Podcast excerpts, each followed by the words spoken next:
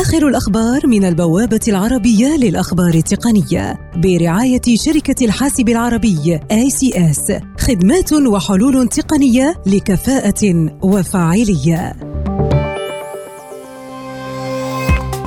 شركة أبل تهيمن على سوق الساعات الذكية خلال الربع الأول من العام الحالي. إذ نما سوق الساعات الذكية العالمي بنسبة 48% في الأشهر الثلاثة الأولى من العام وفقا لأحدث بيانات شركة الأبحاث Counterpoint Research شركة كوالكوم تكشف أن شركة أبل ستدفع لها خلال الربع القادم ما بين 4.5 إلى 4.7 مليار دولار تقريبا لمرة واحدة من أجل إلغاء جميع الدعاوى القضائية بين الشركتين.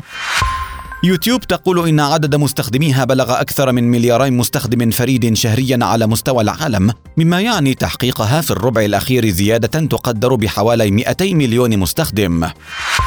شركة فيسبوك تخطط لجمع مبلغ يصل إلى مليار دولار من الاستثمارات من أجل شبكة دفع جديدة تعتمد على العملة الرقمية المشفرة والتي يمكن أن تشكل منافسا مباشرا لبطاقات الائتمان التقليدية وفقا لصحيفة وول ستريت جورنال. شركة مايكروسوفت تعلن عن إصدار المطورين من نظارة HoloLens 2 قبل أيام قليلة من بدء مؤتمر مايكروسوفت Build للمطورين. وكانت الشركة قد كشفت في فبراير الماضي رسميا عن الجيل الثاني من نظارة هولولينز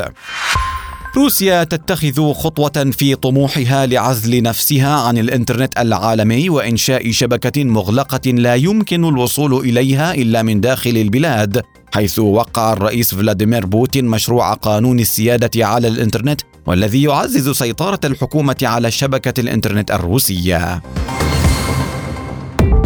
آخر الأخبار من البوابة العربية للأخبار التقنية برعاية شركة الحاسب العربي ACS خدمات وحلول تقنية لكفاءة وفاعلية. لمزيد من تفاصيل هذه الأخبار وأخبار عديدة يمكنكم زيارة موقع البوابة على شبكة الإنترنت